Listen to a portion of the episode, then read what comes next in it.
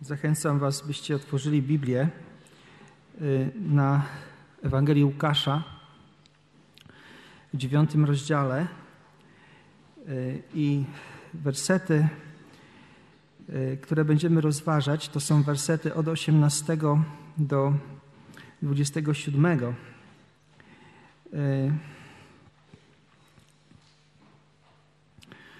Te wersety, one są bardzo podobne do tych, które czytaliśmy w Ewangelii y, Mateusza. Y, to są, y, to jest to, to, ten sam opis, kiedy, kiedy Jezus jest na osobności ze swoimi uczniami i rozpoczyna rozmowę z nimi. Rozpoczyna rozmowę, która zaczyna się od pytania, za kogo uważają mnie tłumy? Za kogo uważają mnie tłumy? Bardzo ważne pytanie. Zauważmy, że zadane w momencie, kiedy Jezus był na osobności z uczniami, w sensie był poza e, tym tłumem, który, który chwilę wcześniej nakarmił, który, który słuchał jego nauczania o Królestwie Bożym. I teraz on jest ze swoimi uczniami. I właśnie, właśnie wyobrażam sobie, że skończył się modlić i zwraca się do swoich uczniów właśnie z tym pytaniem: za kogo mnie uważają tłumy? No i zgodnie z tym, jak, e, jak rozumieli i jak e, wiedzieli, to uczniowie odpowiadają. No jedni za Eliasza, jeszcze inni twierdzą, że powstał któryś z dawnych proroków. Powiedział do nich, a wy za kogo mnie uważacie? I Piotr odpowiedział za Mesjasza Bożego. Tak się rozpoczyna ta, e, e, to, ta historia, czy, czy ta rozmowa Jezusa z uczniami, ale gdy przeczytamy ją do końca, i też w kontekście tego rozdziału, zauważymy, że, że e, kwestia dotyczy tożsamości Jezusa. Kim jest Jezus? Jego tożsamość, czy to, kim on jest, nie zależy od opinii ludzi. Nie zależy od tego, co ludzie o nim myślą, czy w jakiś sposób go postrzegają, tylko zależy od tego, kim po prostu jest. Ludzkie opinie mogą być różne. Jedne bliższe prawdy, drugie dalsze prawdy. Y, ciekawe, ciekawe jest książka kiedyś została wydana przez Leszka Kołakowskiego, znanego polskiego filozofa, już, już nieżyjącego. I, I ta książka nosiła tytuł y, moje słuszne poglądy na wszystko. Moje słuszne poglądy na wszystko. Taki trochę zabawny tytuł, ale pokazujący to, że możemy mieć bardzo silne swoje przekonania i równie błędne. I w tym fragmencie, w tym fragmencie jest, e, jest właśnie ta kwestia. Jezus koryguje postrzeganie uczniów tego, kim On sam jest i koryguje ich postrzeganie, kim jest Mesjasz i jaka jest jego rola. Zobaczymy to, myślę, mam nadzieję, z, z większą klarownością za chwilę. Każdemu z nas właściwie zdarzyło się mieć nieprawidłowe poglądy, ale tutaj uczniowie, uczniowie y, są tymi, którzy którzy muszą się zmierzyć z, takim, z taką korekcją, która dotyczy rzeczy y, sięgających w wieczność. Te poglądy, które mają, wymagają korekcji i one są ważne, dlatego że dotyczą y, wieczności. Y, dzisiaj właściwie to pytanie o opinię ludzi, gdy, gdy na przykład zdamy sobie sprawę, że nasza obecna kultura to żyje jakby w środowisku Facebooka, Instagrama, e, ludzi, którzy subskrybują rozmaite kanały, e, wyrażają swoje komentarze, opinie, e, lajki czy dislajki, tak zwane followersi, to wszystko gdzieś tam się odbywa w taki sposób, kiedy liczy się ilość odsłon, subskrypcji.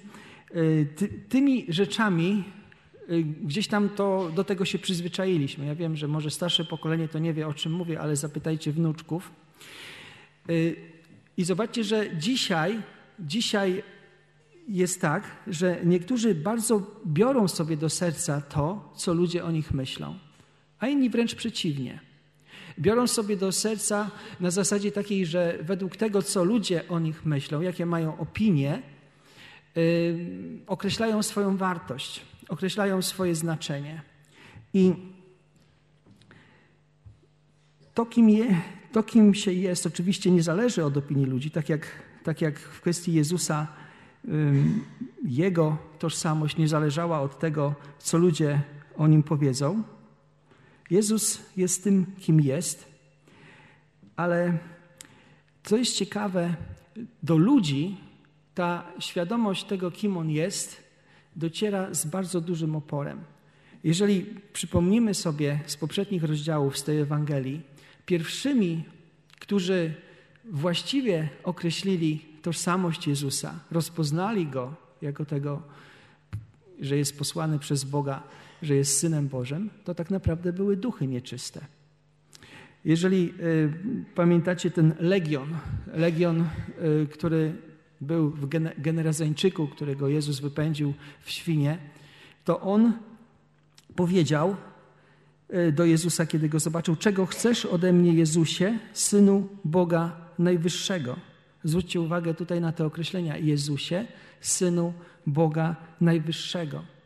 Ewangelista Łukasz znacznie wcześniej, bo w trzecim rozdziale, w 41 wersecie, y, zapisał jeszcze takie, takie zdanie, że z, z wielu też wychodziły też demony, wykrzykując: Ty jesteś synem Boga. Jezus jednak ganił je i zakazywał im to mówić, wiedziały bowiem, że On jest Mesjaszem. Y, demony znały prawdę o Jezusie, o tym, o tym kim On jest. I na pytanie, jeżeli byśmy zadali demonowi pytanie, kim dla ciebie jest Jezus, to demon by odpowiedział, jest Mesjaszem, Synem Bożym.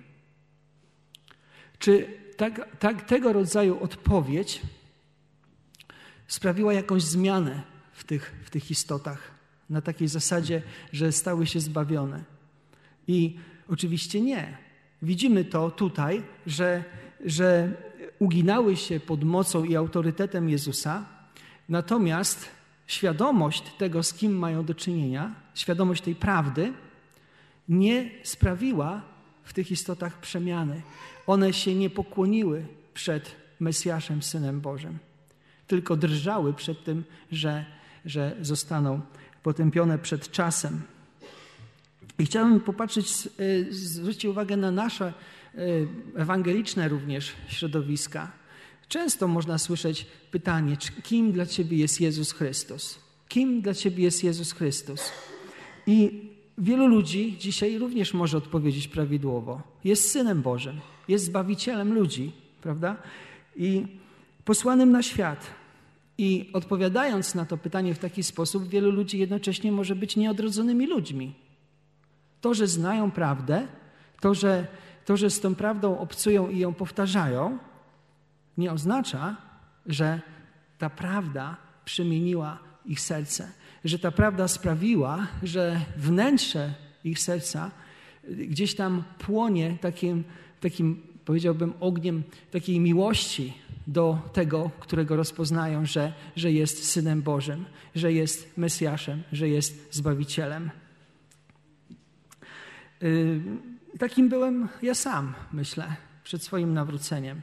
Jeżeli ktoś by mnie wtedy zapytał, y, za kogo uważam Jezusa Chrystusa, odpowiedziałbym za Syna Bożego, Zbawiciela ludzi. Ale jednocześnie wiem, że wtedy nie byłem na nowo narodzonym człowiekiem. Wtedy nie wierzyłem wiarą, która, która, która zbawia. Po to mówię to wszystko, by, by powiedzieć, że można znać prawdę o Jezusie i pozostać niezmienionym przez tę prawdę. Pozostać w tym samym miejscu, w którym pozostały, pozostały demony, które wierzą, czy wiedzą, że Jezus jest Synem Bożym Mesjaszem i, jak to określa apostoł Jakub, drżą. E, prawda, która pojmuje rozum, może nie zmienić wnętrza, może nie zmienić serca.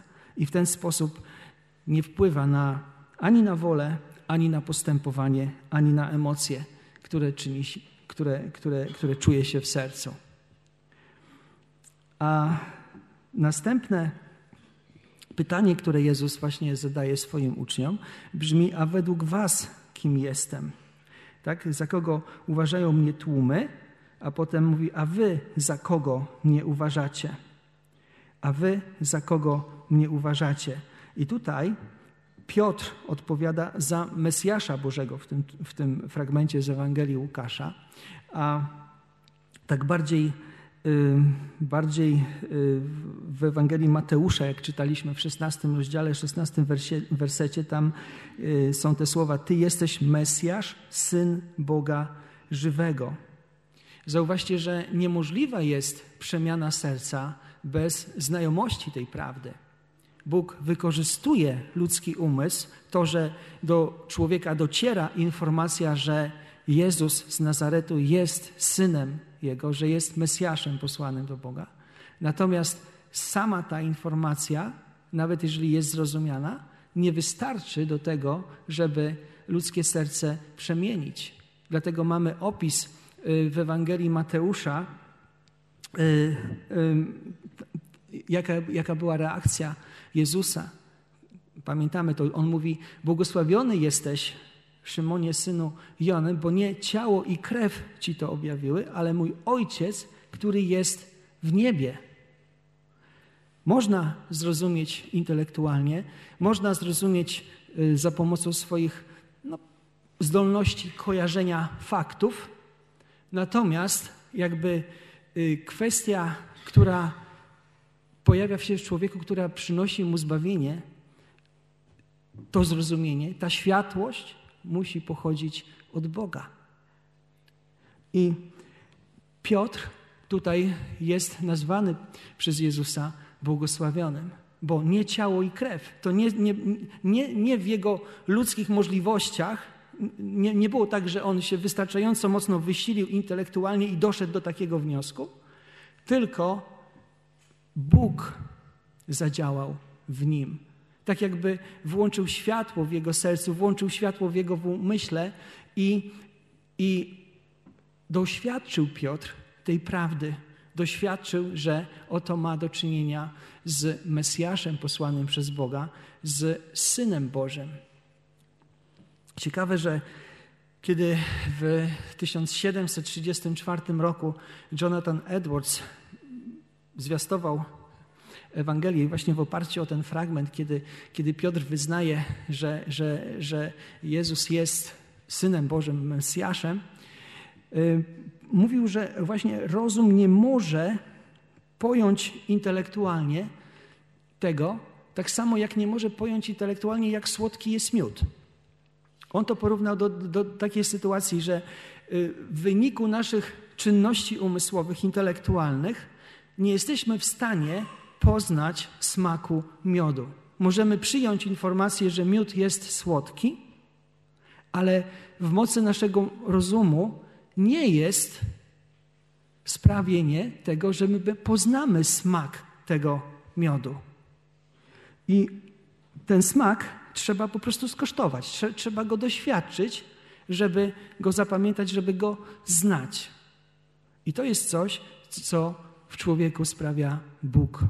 To jest coś, czego, czego doświadczył właśnie Piotr, kiedy powiedział, że Ty jesteś Mesjasz, syn Boga żywego. On zetknął się z tą prawdą, zetknął się, doświadczył tej prawdy i, i, yy, i zrozumiał, i pojął, i jakby no, stało się to dla niego krystalicznie jasne i oczywiście. To właśnie tak jakby jakiś blask światła pojawił się w jego, w jego sercu, dzięki któremu zobaczył piękno Bożych spraw, piękno Bożego działania, dzieł. Właśnie tak jak się doświadcza smaku miodu w momencie, kiedy ten miód się e, spróbuje. E, w, kiedy w Ewangelii Jana y, dochodzimy do miejsca, gdzie Jezus uczy gdzie, gdzie Jezus, przepraszam, modli się o swoich uczniów, 17 rozdział, tak zwana modlitwa arcykapłańska, właśnie w tej modlitwie pojawiają się słowa, w których, e, którymi Jezus się modli do Boga i którymi wyraża właśnie tę prawdę, że Jego uczniowie to, byli, to, to są tymi ludźmi, którzy prawdziwie pojęli, że Jezus został posłany na świat. Chciałbym Was zachęcić do otworzenia tego fragmentu. 17 rozdział Ewangelii Jana, szósty werset do ósmego. Tutaj czytamy tak. Objawiłem Twoje imię ludziom, których mi powierzyłeś na świecie. Twoimi byli, lecz mnie ich powierzyłeś, a oni zachowali Twoje słowo. Teraz poznali, że powierzyłeś. E, przepraszam, teraz poznali, że wszystko, co mi dałeś, pochodzi od Ciebie. I ósmy werset w szczególności, bo przekazałem im słowa, które mi dałeś, a oni przyjęli je i prawdziwie poznali, że od Ciebie wyszedłem i uwierzyli, że Ty mnie posłałeś. Jezus mówi o swoich uczniach i mówi o nich, że prawdziwie poznali. Prawdziwie poznali. I trudno tutaj nie wrócić do tego charakterystycznego hebrajskiego rozumienia słowa poznać, które jest bardzo mocno związane z, z doświadczeniem, bo oni poznali, dlatego że doświadczyli. Dlatego, że doświadczyli. Tak jak Adam poznał swoją żonę, dlatego, że jej doświadczył. Uczniowie prawdziwie poznali i uwierzyli, że Jezus został posłany przez Boga. To poznanie i uwierzenie uczniów przełożyło się później na, na ich dozgonną wierność i posłuszeństwo Chrystusowi. Wówczas stanowczo im nakazał, aby nikomu tego nie mówili. Podobnie jak demonom nie pozwalał o tym mówić wcześniej, tak samo było również dla uczniów za wcześnie, żeby opowiadali o tym, że on jest Mesjaszem. Y, dzisiaj, czy w dzisiejszej dobie, tak naprawdę Kościół ma nakazane, by to głosić, by to rozgłaszać, by każdemu to opowiadać. Ale w tym momencie przed ukrzyżowaniem, przed zmartwychwstaniem Jezusa, w tym momencie, kiedy Jezus jeszcze jest w drodze do Jerozolimy, jest za wcześnie, by o tym mówić. Teolodzy czasami odnoszą się do tego jako do tak zwanej tajemnicy mesjańskiej, ale y, jest to związane bardzo mocno z pojmowaniem przez Żydów osoby Mesjasza. I zauważcie, że jak tylko Jezus im o tym powiedział, y, zaraz potem mówi: Syn człowieczy musi wiele wycierpieć, będzie odrzucony przez starszych, wyższych kapłanów i nauczycieli pisma. Zostanie zabity, a trzeciego dnia zmartwychwstanie. I teraz gdzieś tam zderzają się dwa pojmowania tego, kim jest i, i co ma zrobić Mesjasz. Dla Żydów, czy dla uczniów, do których, do których Jezus mówi, dla właściwie wszystkich Izraelitów, nie do pojęcia było to, nie do przyjęcia było y, takie patrzenie na Mesjasza, który miał być posłany przez Boga, jako na tego, który miał być odrzucony, zabity, jako na tego, którym, który, który, którego naród odrzuci, czy najważniejsi kapłani w, w, w narodzie. Przecież cały naród, a w szczególności owi kapłani, czekali na Mesjasza Bożego. Więc w jaki sposób Jezus mówi o tym, że, że Syn Człowieczy, o którym uczniowie rozumieli, że kiedy mówi Syn Człowieczy, to mówi o sobie, musi cierpieć, będzie odrzucony przez starszych, wyższych kapłanów, nauczycieli Pisma, zostanie zabity. Tego nie mogli pojąć, dlatego że Mesjasz dla nich miał być wybawieniem miał być, miał być odkupicielem, miał być tym, który przywróci królestwo Izraela, takie jak było podobne do królestwa Salomona, które było pełne bogactwa i pokoju. Takiego Mesjasza oni oczekiwali, a teraz okazuje się, że w momencie, kiedy zrozumieli, że Mesjasz jest z nimi, że On jest Synem Bożym, to ten Mesjasz mówi im, że On ma cierpieć, ma być zabity. I te, to, to tra. Tu w Ewangelii Łukasza nie mamy tego opisu, ale w Ewangelii Mateusza jest ten opis, kiedy Piotr prosi Jezusa na stronę, tak żeby inni uczniowie nie słyszeli, i, i mówi, że no, czytamy tutaj w 16 rozdziale Ewangelii Mateusza. Wtedy Piotr wziął go na bok i zaczął stanowczo odwodzić od tego, mówiąc: Bóg jest ci życzliwy. Tutaj w tym moim tłumaczeniu Bóg jest ci życzliwy. Tam w innym tłumaczeniu jest mi litość, Panie, tak? Czy Bóg jest ci życzliwy, Panie? Nigdy to ciebie nie spotka. Lecz on odwrócił się i powiedział do Piotra: Idź za mną, szatanie. Jesteś mi zgorszeniem, bo nie myślisz o tym, co Boże, ale o tym, co ludzkie.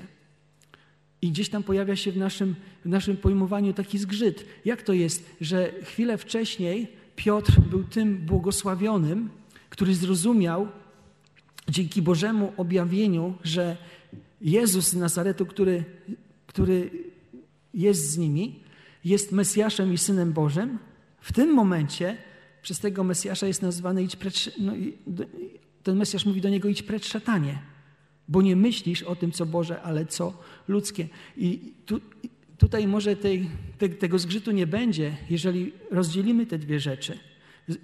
Zrozumienie, że Jezus jest Mesjaszem, to jest jedna rzecz, a druga rzecz, jaka jest rola Mesjasza. Czy co, co Mesjasz ma zrobić? Tutaj jest coś, czego Piotr nie pojmował tak, jak powinien był pojmować. Pojął, że Jezus jest Mesjaszem, ale w dalszym ciągu nie rozumiał pism, nie rozumiał zapowiedzi proroków, które mówiły o tym, że Mesjasz miał cierpieć. To, co Jezus mówił o sobie w rozumieniu Piotra, pasowało raczej do kogoś, na kogo Bóg się gniewa, kogo Bóg karze. On tutaj, a Piotr mówi tutaj do Jezusa: Bóg jest ci życzliwy, panie. Jeżeli jest Jezus namaszczony przez Boga, bo czynił te rozmaite cuda, których oni byli świadkami, to Bóg jest życzliwy, to Bóg, Bóg jest z nim. Dlaczego Jezus mówi, że, że ma umrzeć, że ma wycierpieć? Tego Piotr nie pojmował, a razem z Piotrem reszta narodu żydowskiego tego nie pojmowała przez bardzo długi czas. I jeżeli zwrócimy uwagę później w dziejach apostolskich i w listach Pawła, ta kwestia, że Mesjasz Boży miał cierpieć, była istotną, jakby podstawową rzeczą, którą tłumaczył apostoł Paweł, kiedy docierał do różnych synagog w basenie Morza Śródziemnego. Takim najbardziej y, charakterystycznym zapisem jego rozmów, czy jest y, fragment z dziejów y, apostolskich 17 rozdziału, kiedy on dociera do Tesalonik. I tam wchodzi do synagogi żydowskiej. I czytamy tutaj tak, że Paweł według swego zwyczaju, drugi, trzeci werset 17 rozdziału, wszedł do nich i przez trzy szabaty rozprawiał z nimi na podstawie pism – wyjaśniał i dowodził. Mesjasz musiał cierpieć. Zwróćcie uwagę na to. Wyjaśniał i dowodził na podstawie pism. Mesjasz musiał cierpieć i zmartwychwstać. Jezus, którego wam głoszę, jest tym Mesjaszem. To, co oni wtedy zrozumieli, bardzo dużo ludzi miało problem z pojęciem tego. Właśnie dlatego, że mieli koncepcję Mesjasza, który przynosi zwycięstwo polityczne, militarne, gospodarcze i e, tego rodzaju, a, a nie w kategoriach tego Jeszua, czyli tego, który jest zbawieniem od grzechów. On zbawi swój lud od grzechów. Czytaliśmy na początku Ewangelii Mateusza. I w drugim miejscu w Dziejach Apostolskich, trzeci rozdział, osiemnasty werset, tam też jest taki zapis. A Bóg w ten sposób wypełnił to, to tam Piotr mówi, co zapowiedział przez usta wszystkich proroków, że jego Mesjasz będzie cierpiał. Zauważcie, że musiała się dokonać bardzo gruntowna przemiana w myśleniu Piotra, bo w momencie, kiedy wziął Jezusa na stronę i mówił mu, że tego ma nie być, to on, on szedł za tą logiką, tak jak wszyscy inni Izraelici szli, że czekali na Mesjasza, który będzie ich takim ratunkiem politycznym, gospodarczym. A Jezus mówił mu, że to jest myślenie, to nie jest myślenie Boga. Myśleniem Boga jest ratunek od grzechu. I Mesjasz jest tym, który uratuje lud swój od grzechów jego. I uratował. To, co dalej jest tutaj napisane w, w Ewangelii Łukasza, jest związane z, z cierpieniem Jezusa i zrozumieniem Jego cierpienia i połączeniem tego cierpienia z prawdziwym uczniostwem. O tym mam nadzieję powiedzieć za tydzień. Natomiast teraz kończąc, chciałbym nawiązać do tego słynnego powiedzenia czy pytania, kim jest dla Ciebie Jezus? Kim jest dla Ciebie Jezus? Jest Synem Bożym? Jest Mesjaszem? Bardzo dobrze, bo to jest prawda. Jest Synem Bożym, jest Mesjaszem. Tak jak dla apostoła Piotra, który, któremu Bóg objawił, że jest Mesjaszem. Ale dla demonów też był Synem Bożym, Mesjaszem. I teraz pyta, pytam się, czy Twoją wiarę, co odróżnia Twoją wiarę od wiary demonów, od rozumienia demonów? Czy jesteś bardziej tak jak Piotr, czy jesteś bardziej tak jak, tak jak ci właśnie, którzy są niezmienieni przez tę prawdę? Tak naprawdę też można by odwrócić to pytanie, bo tutaj jest to pytanie, kim dla Ciebie jest Jezus Chrystus, ale można by powiedzieć, kim Ty jesteś dla Jezusa Chrystusa. Kim ja jestem dla Niego? Czy jestem kimś, komu On objawił Ojca? Czy jestem, czy jest, czy jestem kimś, kto w Niego prawdziwie uwierzył i poznał, że został posłany przez Boga? Kim dla Niego jestem? Czy jestem rebeliantem? Czy jestem w Jego królestwie? Czy jest, jak Jezus patrzy na mnie? Prawdziwe poznanie i prawdziwe przyjęcie prawdy o Jezusie Chrystusie zmienia człowieka, zmienia jego wnętrze, zmienia jego serce w sposób taki, którego sama, same fakty, sama prawda nie zmieniają. Co jest charakterystyczne, zauważcie, że nie dlatego Piotr powiedział to, co powiedział, że Jezus jest Mesjaszem, Synem Boga żywego, że, że widział cuda i znaki, których Jezus dokonał, że, widział, że, że roznosił ten chleb, którego Jezus roz, rozmnażał. Tylko powiedział to dlatego, jak, jak, jak to Jezus wyjaśnił, że Bóg mu to objawił. I dlatego, że Bóg to człowiekowi objawia, jest to możliwe dla każdego człowieka. Zauważcie, że nie trzeba być nieskończenie mądrym, posiadać jakieś fakultety czy, czy, czy, czy 200 IQ inteligencji, tylko trzeba chcieć przyjść do Boga i poprosić Go o zbawienie, o to doświadczenie, o to, żeby, żeby się objawił człowiekowi tak, jak się objawił Piotrowi. Żeby ta świadomość rozpoczęła w człowieku taką, taką przemianę, że ma klarowną, jakby klarowne postrzeganie tej prawdy, że jest, że Jezus jest Zbawicielem, że jest Mesjaszem, jest Synem Boga żywego i ta prawda jest czymś niebiańskim, czymś, czymś doskonałym, czymś Bożym, czymś, na czym warto oprzeć swoje życie, czego warto się trzymać przez całe życie. Że to nie jest jedynie fakt, że to nie jest jedynie, jedynie e, kategoria takiego, takiej informacji, ale to jest coś, co ma na sobie taką, taką, taką pieczęć boskości. I człowiek, który rzeczywiście to widzi, może powiedzieć to sobie, że, je, że, jest, że jest na nowo narodzony, bo, bo zobaczył właśnie to w taki sposób. Zobaczył Chrystusa w taki sposób. Także nawet jeżeli jesteśmy przekonani o swoich słusznych poglądach na wszystko, dobrze jest czasem zmienić te poglądy, dać się skorygować, dać, dać się pouczyć Chrystusowi, aby, aby doświadczyć tego, co najlepsze, tego, co On ma dla nas.